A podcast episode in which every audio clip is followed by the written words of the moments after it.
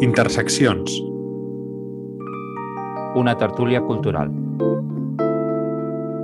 Més o menys. Amb Miquel Codony I Alexander Paez.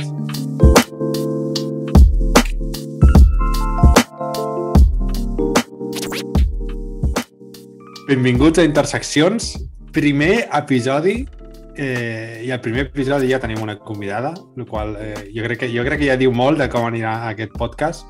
Eh, primer presentem i després explico una miqueta de què anirà això. Benvinguda, Neus. Hola.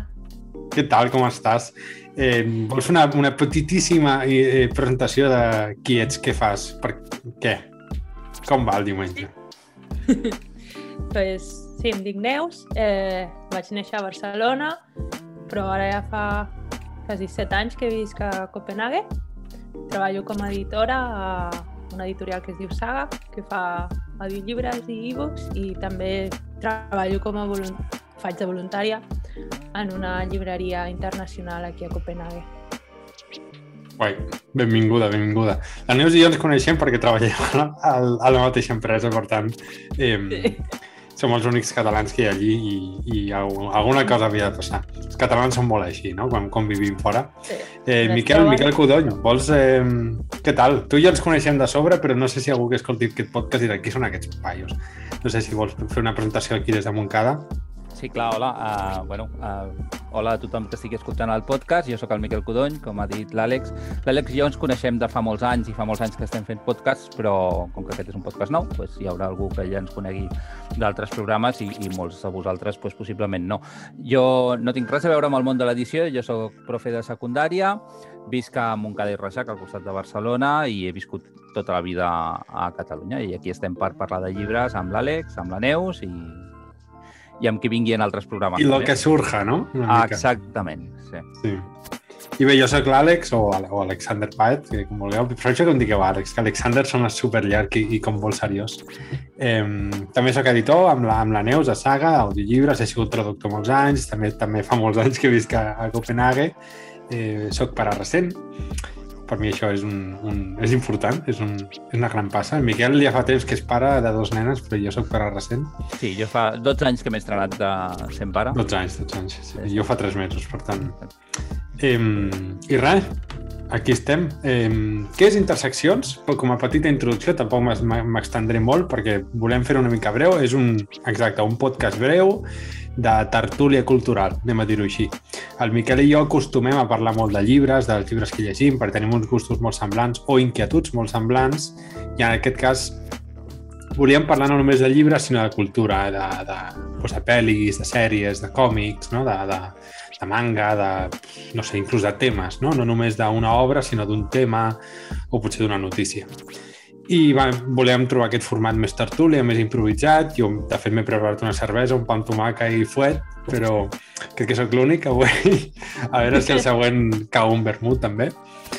Eh, I no, res, això seria, jo crec, un resum.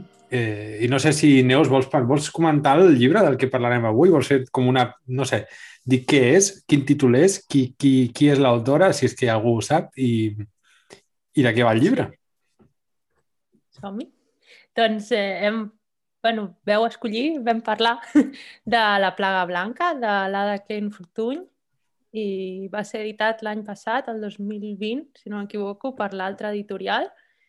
I bàsicament, bé, el nom d'Ada Klein és, és, és un pseudònim, és un nom de ploma d'una persona, o sigui que no sabem exactament qui és aquesta persona que ha escrit el llibre i això és el primer que em va cridar l'atenció realment Eh, I bàsicament el llibre és un assaig eh, on l'escriptora parla de vuit escriptors i escriptores que, han, que van passar tuberculosi durant uns anys i alguns es solapen, altres no, mm. però mm.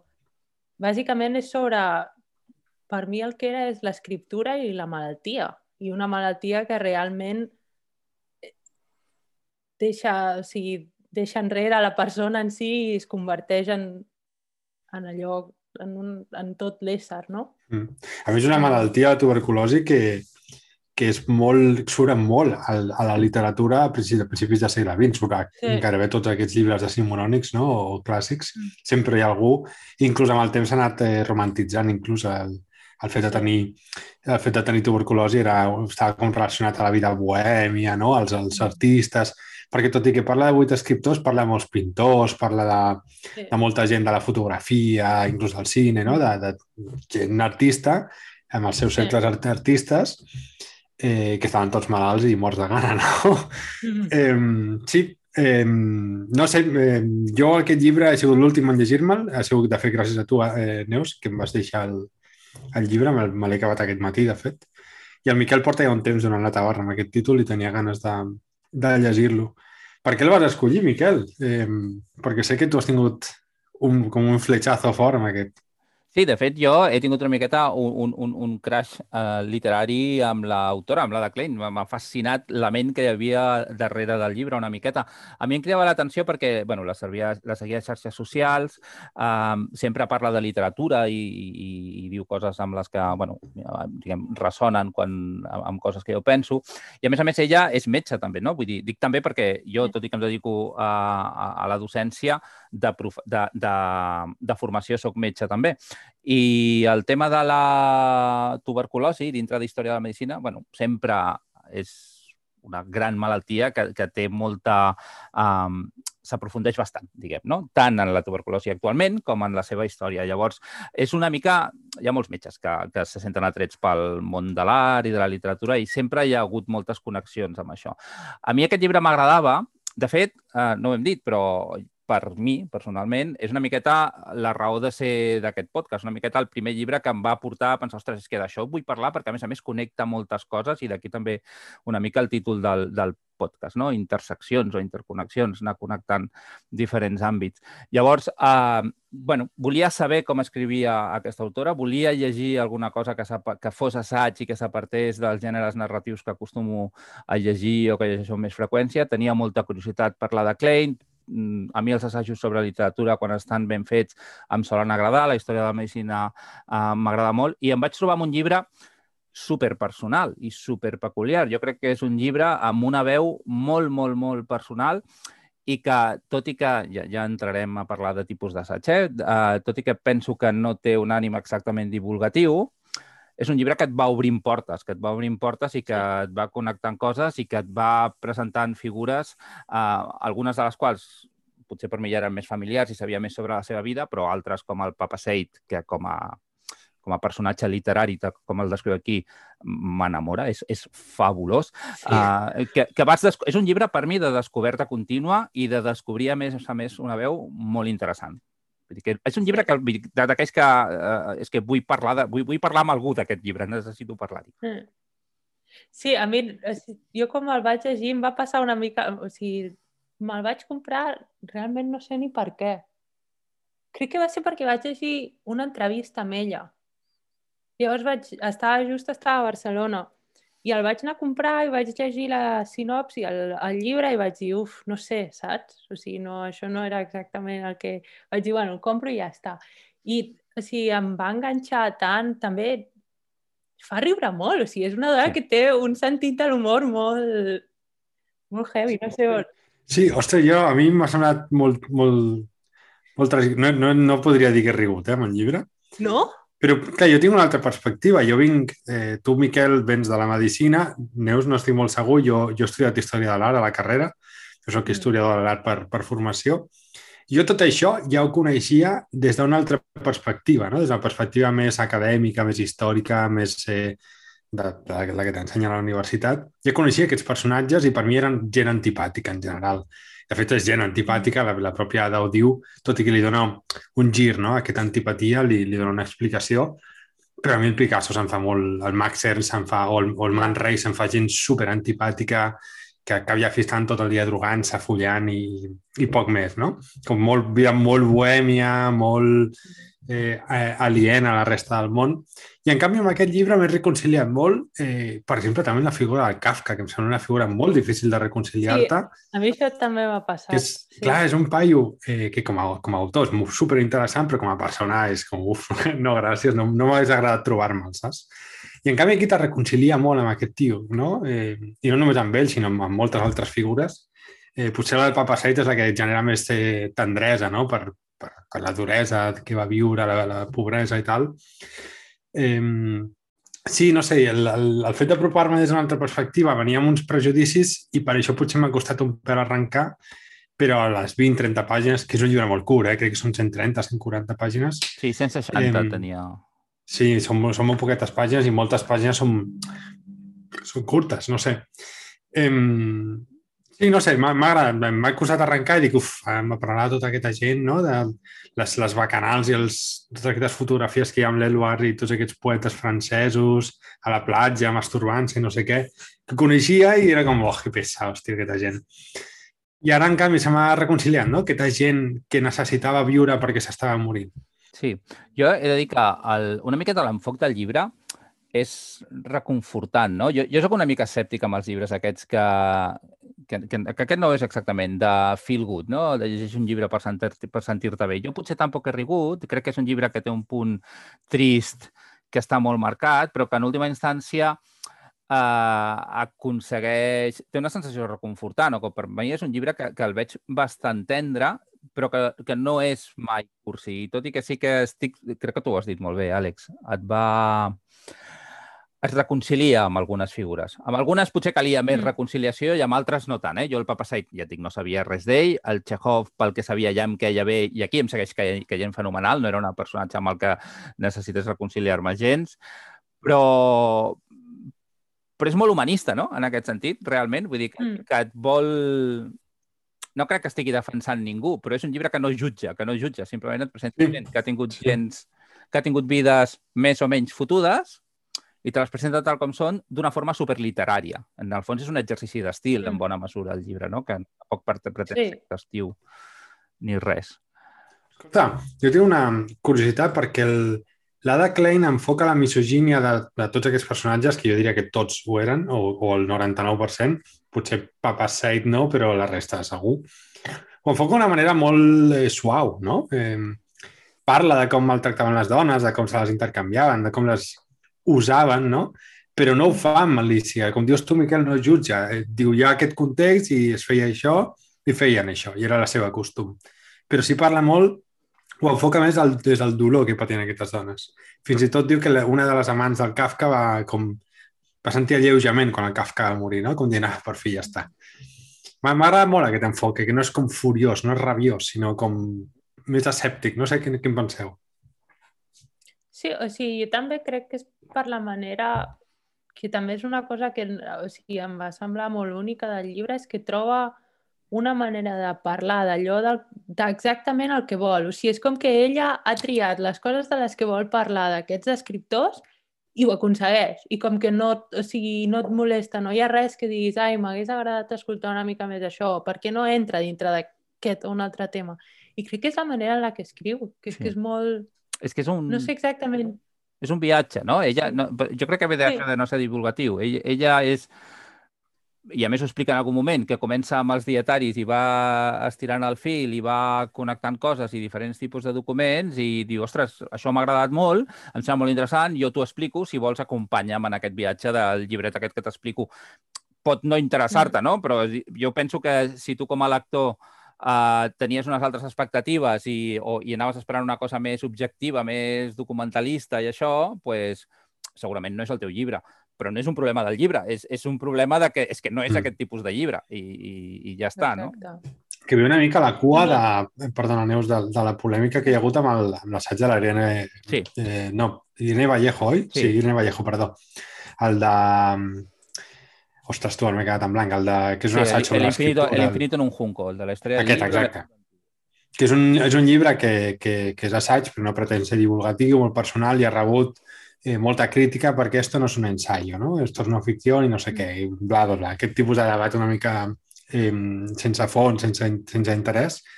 I aquest és una, fa una mica el mateix, fa un assaig, fa un, un exercici literari sobre un tema i uns personatges que li interessen molt amb ella, no? I ho personalitza molt. Sí, amb, amb el, la referència a l'Irene Vallejo, ja que aquí estem per altra cosa, he dit que em, em molesta molt la, la, que això per xarxes socials sí que ho he vist com a mínim dos o tres vegades, segurament amb veus amb poc ressò, eh? però uh, dient no, no és un assaig perquè és molt personal. I em toca amb els nassos perquè penso, és que ets un incul, vull dir que l'assaig pot ser moltíssimes coses eh, diferents. El que no és, potser és divulgació, que en el cas de la Irene Vallejo fins i tot això t'ho discutiria, eh? Però que un llibre no sigui divulgació no vol dir que no sigui assaig. L'assaig, precisament, jo penso que dels gèneres de no ficció és extremadament lliure. O sigui, tu pots fer sí. moltíssimes coses amb aquest format i, i de fet, per mi és, és la gràcia. Per mi és el que el fa literatura, és el que, el que sí. a, a, permet estudiar-ho des d'un punt de vista, o llegir-ho i disfrutar-ho, vamos, des d'un mm. punt de vista literari. Mm. El Drenera Vallejo sí, està superbé, però bueno, això és a part. Bueno, estem, estem interseccionant, no? Llavors, estem podem... interseccionant, és molt guai aquest llibre. Sí. Neus, anaves a dir alguna cosa abans i t'he tallat. Eh, sí, que o sigui, jo crec que el que és molt interessant, que potser quan fas la sinopsi del llibre o dius, oh, aquest llibre d'això o de l'altre, és que potser pots caure amb la idea de que és una espècie de pseudobiografia d'aquests autors que tenen mm. en comú que tots van patir tuberculosi, però no és això, o sigui, és realment eh, l'Ada Clet agafant temes que li interessen i i juntar i, vull dir, i fent el seu mm. propi collage sí. molt més sí. eh, ordenat. I crec que això també és, és el que, no sé, crec que és molt interessant i potser és també és a part que em va fer que encara em va agradar més. Sí, i té reflexions sobre reflexions sobre, sobre eh, la malaltia o viure malalt crònicament amb una cosa sí. que, que t'impedeix no només tenir no sé, asma, no? Si no estem parlant d'una cosa mm. que et fas estar al llit, que t'impedeix, com la Kate Mansfield, no? T'impedeix, la Catherine Mansfield, perdó, anar al bosc a fer aquells passejos amb el seu marit. Ella mm. especifica, el que t'explica de la seva relació amb el seu marit és que ella no li podia seguir el ritme. No? Mm. Que detalla molt això. I a mi aquest tipus de detalls i com, com ho dissecciona i extreu aquesta informació, com tu deies, Neus, que, que a ella li interessa que sàpiga sobre aquest personatge, de com la Catherine Mansfield s'havia de quedar al seu llit alimentant un ocellet que li havia entrat per la finestra en comptes d'anar a fer aquella volta pel bosc que tant li agradava. I tot i així, és gent, com diu la, la pròpia Ada, que no per l'esperança per viure, que fa plans de futur. El Kafka contínuament deia, bueno, quan surti del sanatori, tal qual, i va morir en aquell sanatori, no? Eh, no sé, a mi per, per qüestions personals, no? en relació a malaltia crònica i tal, és un llibre que m'ha impactat molt en aquest sentit concret. Sí. No tant amb la vida d'aquesta gent, sinó com reflexiona i veure la perspectiva d'altra gent, veure que, que no eren tan únics, que som menys individus del que pensem que som, que tenim unes vivències molt semblants els uns als altres i que al cap i a la fi el que ens fa humans no deixa de ser coses molt simples, no? que sona molt cursi, però, joder, l'esperança de viure i l'esperança de curar-te i de tirar endavant estan allí. És... I us, us sembla, una pregunta que us faig, us sembla que és un llibre oportú? No oportunista, eh? que és una altra cosa. Us sembla que és un llibre oportú? Jo crec que la nostra percepció de la malaltia o la nostra relació amb la malaltia ara, amb la idea de malaltia, amb la conya del Covid, ha canviat una miqueta mm. respecte a uns anys, no? I aquí està explicant una malaltia que és molt diferent, no és el mateix la tuberculosi que, que, que la malaltia del Covid ara, però, però que sí que tenia, diguem, un rol social molt particular, no? Potser tal com explica aquí la tuberculosi, jo la relacionaria més amb, el, amb la sida fa als anys 80, anys 90. Sí, això anava a dir. Sí, tot i que estava... tenia un estigma diferent, diguem, per... per, per... Sí. Però, però sembla un llibre oportú, sembla que és un llibre útil a llegir ara, que et pot donar idees sobre com encarar la nostra manera de viure ara amb, l'entorn de pandèmia. Jo crec que és oportú en el sentit que pot arribar a més gent ara. O sigui que amb, amb tot això de, de la Covid potser hi ha hagut més gent que s'ha començat a plantar que ha estat més a prop de malaltia. O sigui, hi ha molta, o sigui, igual que hi ha molta gent que pateix malalties, també hi ha molta gent que està sana i que mai s'han parat a pensar que, o sigui, sóc una persona sana. I crec que amb tot això de la Covid potser sí que hi ha hagut gent que ha començat a pensar ostres, doncs potser no sóc tan immortal com em Clar. penso, o mm. potser no, no sempre he tingut aquesta idea clara al meu cap de que vull viure i de que la salut pot ser un, una cosa que en algun moment es pot interposar en aquest camí. Mm. Llavors, en aquest sentit, jo crec que sí que pot igual ara hi haurà més gent que s'hi pot apropar Mm -hmm. Però tot i així crec que està més relacionat amb el... O sigui, jo vaig pensar una miqueta amb el tema sida també, no? O sigui, evidentment té un altre estigma social, però sí que m'hi va fer pensar, també perquè ara estan sortint bastant, no sé, almenys en l'últim parell d'anys, sobretot dels Estats Units, han sortit moltes sèries, rotllo Pous, i ara va sortir una que es diu... Ostres, no hi havia aquesta del- que parlen sobre I la de. It's, It's a Sin, no? Aquesta... Que, és- Sí, It's a que, Sin, que crec que exacte. ets britànica, Bueno, però... i, I a Merlí estan parlant també del Sí. SIDA ara mateix, no? Sí. Sí, A Merlí el protagonista té... Em sap greu per l'espoiler per qui l'estigui veient, però el protagonista ha enganxat SIDA, no? Bueno, el, jo no, no segueixo la sèrie, però la meva filla gran li agradava molt, però, però jo crec que les, les, a la ràdio t'explicaven l'últim capítol amb tot luxe de detalls. Ah, val. Bueno, igualment, vull dir que, que sí, que és, que és un tema de certa actualitat de parlar-ne obertament, no? sí. Eh, suposo que també és com una mica traumàtic, necessitem un temps eh, per parlar-ne. Jo, com, com deia abans, com a... Jo tinc una relació molt personal amb una malaltia crònica, no? Eh, I el món està configurat per la gent sana, 100%. El món, tot, la cultura, la part física del món, la part empírica del món, com pensa la gent, tot està pensat per, per gent sana. I quan ets un malalt te n'adones que no, no pertanys a aquest món. Per això tots aquests autors no, que, dels quals parla la Klein no viuen en el mateix món, estan fora d'allí, estan exclosos, ja sigui en un sanatori o mentalment exclosos no? D'una societat o d'un cercle. I és molt interessant veure com se senten exclosos, ja sigui, ja et dic, en un llit, com la Catherine Mansfield, no podem caminar o volent follar tot i sent com, ostres, mira que, que promiscua aquesta persona, no? que s'ho vol follar tot. De, vull dir, en molts, en molts sentits i en molts conceptes, no? I volia afegir una altra cosa d'això d'oportunista. Eh, Jo no he dit eh, que fos oportunista, no, per si algú sent el podcast. oportú, perdó, oportú, havies dit, sí. M'ha semblat doblement oportú perquè hi ha un fragment que m'he guardat que crec que ve molt al cas i us el llegeixo, val? a veure si, si feu la connexió. Diu, sense la Guerra Civil Espanyola, l'Orwell no hauria estat l'Orwell. Fervorós creient en el socialisme i íntegre com era, els fets de maig i tot el que va succeir després el van devastar per sempre més. Per un costat, la propaganda. Els membres del POUM van ser acusats de feixistes encoberts en una maniobra de desprestigi. I per l'altre, el Partit Comunista dividit entre els estalinistes i els trotskistes i la Generalitat contra les patrulles del terror controlades per la CNTFI. No sé si aquí veiem alguna cosa que està passant actualment, no sé si fem una connexió, però em sembla oportú en molts sentits. M'he guardat aquest fragment, però trobo que n'hi ha molts altres oportuns per llegir amb una perspectiva 2021. És que, és, clar, és que jo 2020. penso que, que, que el que dèiem abans, que l'autora ha estat tan present, vull dir que realment és ella que t'està Mm. parlant, està fent servir unes figures històriques per parlar de coses d'avui dia també, i, i, i sí, podem fer moltes connexions amb, amb coses que passen ara. Em sembla Mm. ben triat el fragment i en trobaríem altres. Si ens hi poséssim ara, Mm. mm, podries... És, és un llibre molt d'anar Sí. subratllant, de fet, jo penso. Sí, sí, sí. No ho he fet, Neus, no pateixis. Hi havia subratllat alguna cosa? No és que a vegades...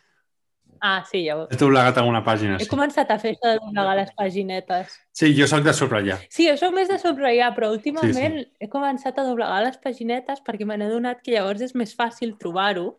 Llavors és com un joc de veure on, on havia trobat la cosa que m'agradava.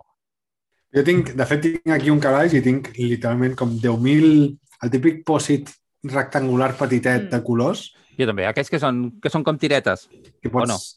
m'encanten. Sí, Sí, sí, en tinc. Aquells rotllo m'encanten. 50.000. Això, això, això, sí, jo també, jo també. sí. En tinc 10.000, però 10.000 llavors marques, jo escric, també faig notes als, als, als cantonades. O sigui que tots tres, tots tres som de maltractar llibres una mica. Això m'encanta. No, no, això, al contrari, Sí. jo crec que això és ben tractar Sí, llibre. Sí, sí, jo també ho penso, però hi hauria molta gent que t'ho discutiria, eh? Agafar l'objecte i deixar-lo impolut... Bé, l'important No, no, del llibre no, és el sí, sí, sí. contingut, no? No el continent. I si ets de... Que, igual això és una cosa que diu la de Klein, eh? el llibre i tot, ara no me'n recordo, però quan tu aga- agafes eh, llibres d'una llibreria de segona mà i et trobes subratllats, és fascinant. Oh, sí, m'encanta.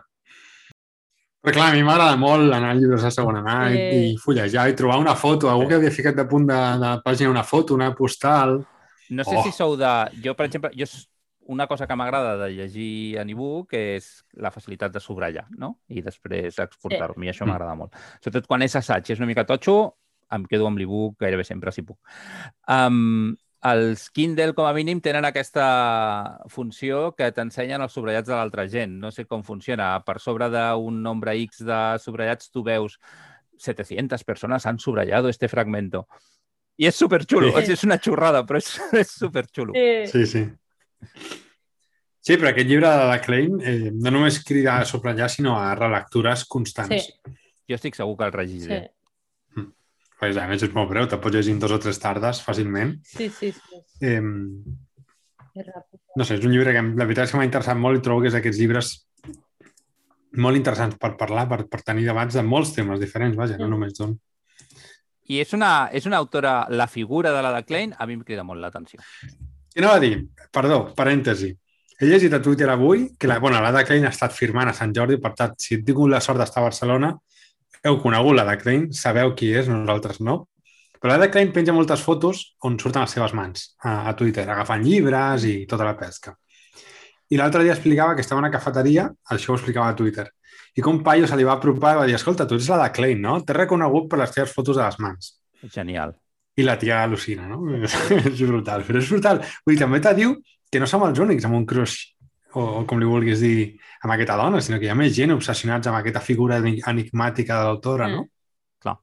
No, però jo crec Ho que... puc entendre, eh? A, a més, tot això de... Sobre... Jo crec que hi ha alguna cosa de que sem sempre volem saber-ho tot, no? I com que a la mínima que tens una coseta que ja s'amaga, encara que si, si en el fons, com d'important és saber qui és aquesta dona? Realment, saps? Gens. O sigui, no, realment Gens. és totalment... Vull dir, teniu accés al llibre, no? I si escriu alguna cosa, suposo que tornarem no. a tenir accés a allò. I, vull dir, realment és important, no crec, però és...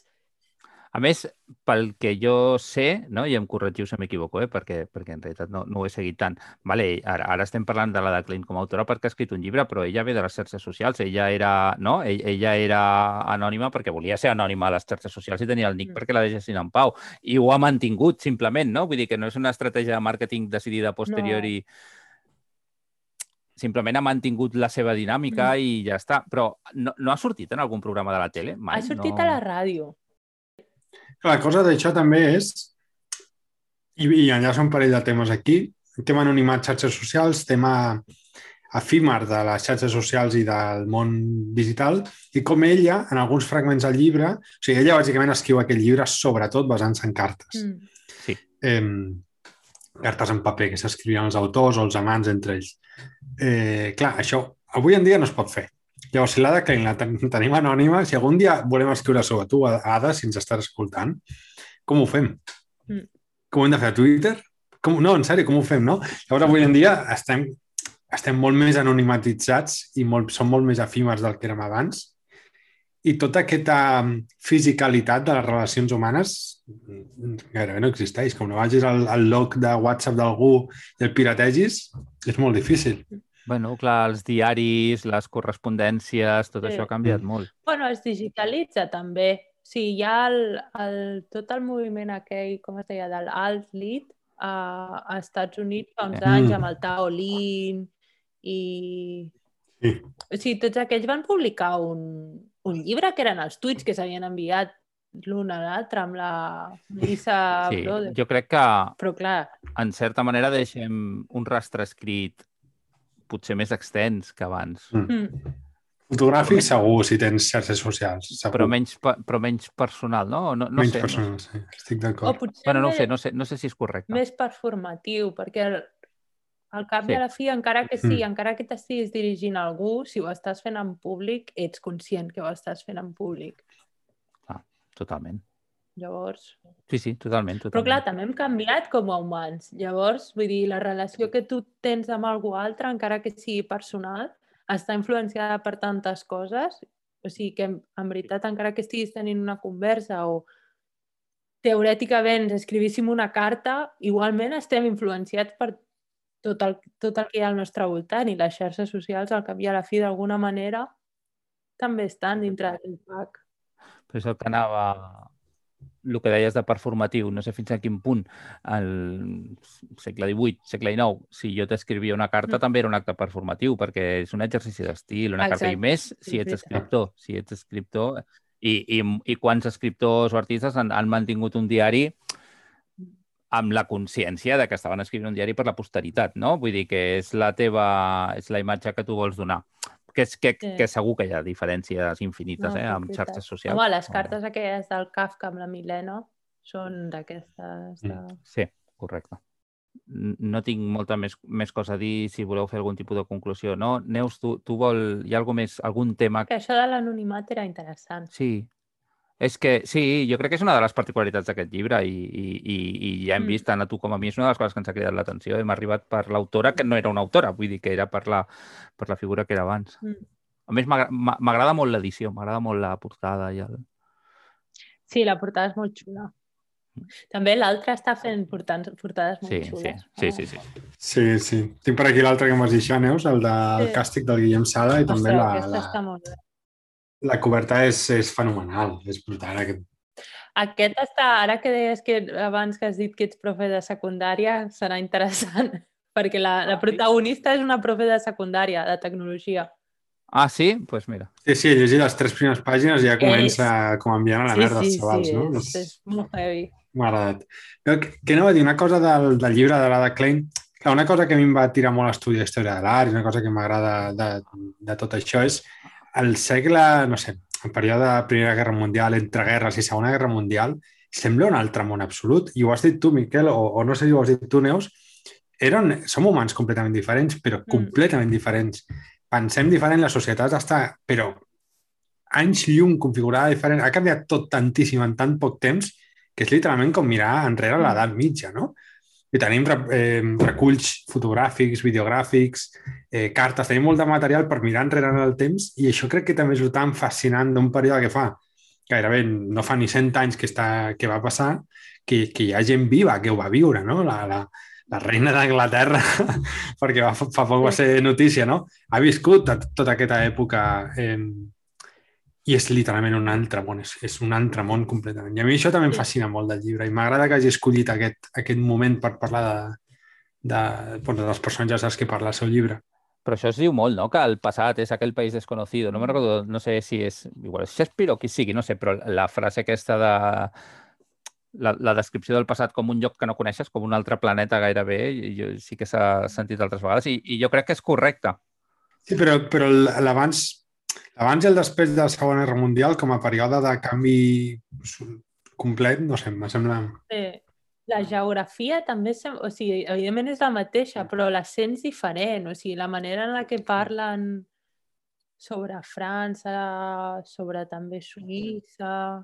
És que la geografia, Sí. jo ja ho dic, jo visc a Montcada, uh, 20 minuts en cotxe de Barcelona, però el, el, la, la meva família, diguem, el, el meu sogre que va néixer aquí, els seus pares van venir a viure perquè venien de vacances a Montcada, perquè molta gent de Barcelona venia. Clar, ara estic en 20 minuts, però en el seu moment, segons on visquessis a Barcelona, segons com haguessis de, de venir, t'hi tiraves una hora i mitja. Llavors, la relació amb l'espai, òbviament, ha canviat totalment. La, les facilitats de moure's lluny, carregat, abans era pobles del propers, és el que ara per nosaltres seria anar a Vic o a Ripoll o des de Barcelona em refereixo. Sí, sí, sí. Sí, sí. Llavors, clar, aquí en, aquest, en, en el que expliqueu es, es, es nota molt, no? La facilitat de comunicar-te, no ja d'anar, sinó d'enviar un missatge... Bueno, tenim l'exemple. Estem, com, estem ara mateix connectats Copenhague-Montcada, no? Estem parlant en viu en directe quan a, a nivell físic eh, estem els uns als altres enrere en el temps, no? És molt estrany, tot això. És, és una manera conceptual del món Mm. molt, molt estranya, molt aliena. I aquest, i aquest procés de canvi s'està Sí. accelerant, no? El, el, la societat és, és exponencial, el ritme Sembla, d'evolució tecnològica que et canvia la Sembla, societat. sembla. aparentment. sembla. Potser no és tan exponencial, potser hi ha un límit, no? No sé, sembla. En parlem. Parlem, hi ha un dels llibres que vull portar en aquest podcast que, que un dels temes és aquest. Si aquesta exponencialitat és il- il·limitada o no. I no a nivell, no a nivell de recursos, sinó a nivell d'evolució com, a, com a civilització. Guardem el tema. Guardem el tema, parlem-ne. Ens fiquem una mica hipsters i culturetes, però també portarem coses marranes aquí, eh? coses mandangueres i coses, eh, coses xules, coses xules. Val, doncs, eh, no sé, no sé si teniu alguna coseta més a afegir del llibre de... Per repetir el títol, que no l'hem dit gaire el títol i sempre ens escriu gent, eh, quin títol era? Perquè no l'heu dit al podcast. Estàvem parlant de La plaga blanca, de la de Clint Fortuny, publicat a l'altre editorial 2020, eh, llegiu-lo, perquè és molt curtet, crec que val la pena. Crec que a Sant Jordi, eh, aquest Sant Jordi 2021, s'han venut exemplars, almenys jo a Twitter he vist molta gent comprant-lo, i me n'alegro. Escolta, que es vengui literatura catalana Mm. eh, diferent. Sí. I és un llibre, i és un llibre molt únic. O sigui, també el que has dit abans, Miquel, sobre l'assaig, i o sigui, estic totalment d'acord que és un gènere que realment pot fer moltes coses i pot ser moltes coses. I crec que és també un, un, una altra cosa que em va agradar molt, que hi ha alguna cosa única en aquest Mm. tipus d'assaig que ha pogut fer. És com que ha fet la seva... O sigui, l'escriptora ha fet la seva pròpia cosa amb, amb Sí. l'assaig. Jo penso que, jo també, el recomano molt. Crec que és un dels llibres importants que han sortit en, literatura catalana al, al 2020 i que Sí. a, a poc que t'agradi llegir, si, si no Mm. tens moltes manies en el sentit de no, no, jo és que només llegeixo policíac, no, no, és que si, si t'agrada llegir una miqueta variat, és un llibre no deixar escapar. És un llibre que és molt difícil, jo crec que no li trobis alguna cosa que et soni interessant i que et Exacte. ressoni d'alguna manera. Molt bé. No, no tinc res més a afegir. Estic d'acord. Eh, doncs no sé, jo crec que fins aquí, no? El, el primer episodi d'Interseccions, eh, podcast de, de tertúlia cultural, anem a dir-li. De moment, potser canviem d'aquí un temps, no ho sabem. Som una mica dispersos, Miquel i jo. Sí, Eh, però ens ho passem bé. Sí. Moltes gràcies, Neus, per, per afegir-te al podcast. Ens ha fet molta il·lusió. Ha estat molt bé la conversa, de veritat. Ha estat, ha estat xatxi. Esperem que hagis estat còmode. Gràcies per convidar-me. La, està convidada a tornar sempre que li interessi dels llibres del que parlem. I aquí en aquest programa encara no hem anunciat perfils de xarxes socials ni res, perquè encara no els tenim. En tindrem? És la pregunta. bueno, probablement, no? No, va, no està de més per fer una miqueta, per, per dir que hem tret el podcast, però... Sí, veurem, veurem. Jo estic una mica minimalista amb Ja, això sí. de xarxes, cada vegada més. Eh, no res, doncs primer episodi. Jo crec que podem dir el següent, no? De què parlarem el següent, perquè ja el, el tenim programat i, i Vinga, digue'l. gairebé n'hem estat a punt de parlar avui. Bé, al, al següent programa doncs, parlarem de Canto jo i la muntanya balla, de la, de la Irene Solà. També un llibre que ho ha patat molt, tant en castellà com en català. Eh, català sí. L'original és en català, s'ha traduït en castellà, si no m'equivoco, eh, amb dos edicions a, a anagrama. I res, ha, ha sonat molt. I està traduït a... està- S'ha traduït a l'italià, crec que ara estan fent a l'anglès, el faran en danès aquest any. Ostres, que guai. Mira. Hi ha una... Hi ha una obra de teatre que diuen que està molt bé. Que bé, me n'alegro, me n'alegro molt que, que li estigui passant això al llibre. Escolta, Neus, tindreu el llibre a Arc? En anglès, Sí, o en danès, no sé. quan surti, quan surti en anglès, jo el vull portar. Que guai. Molt bé, envaint, envaint el nord. Hombre, Molt bé, doncs aquest serà el pròxim llibre que parlarem. No sé si parlarem amb Miquel i jo, si convidarem algú. Ja veurem, ja improvisarem, com sempre. I no res, fins aquí l'Interseccions 1, temporada 1.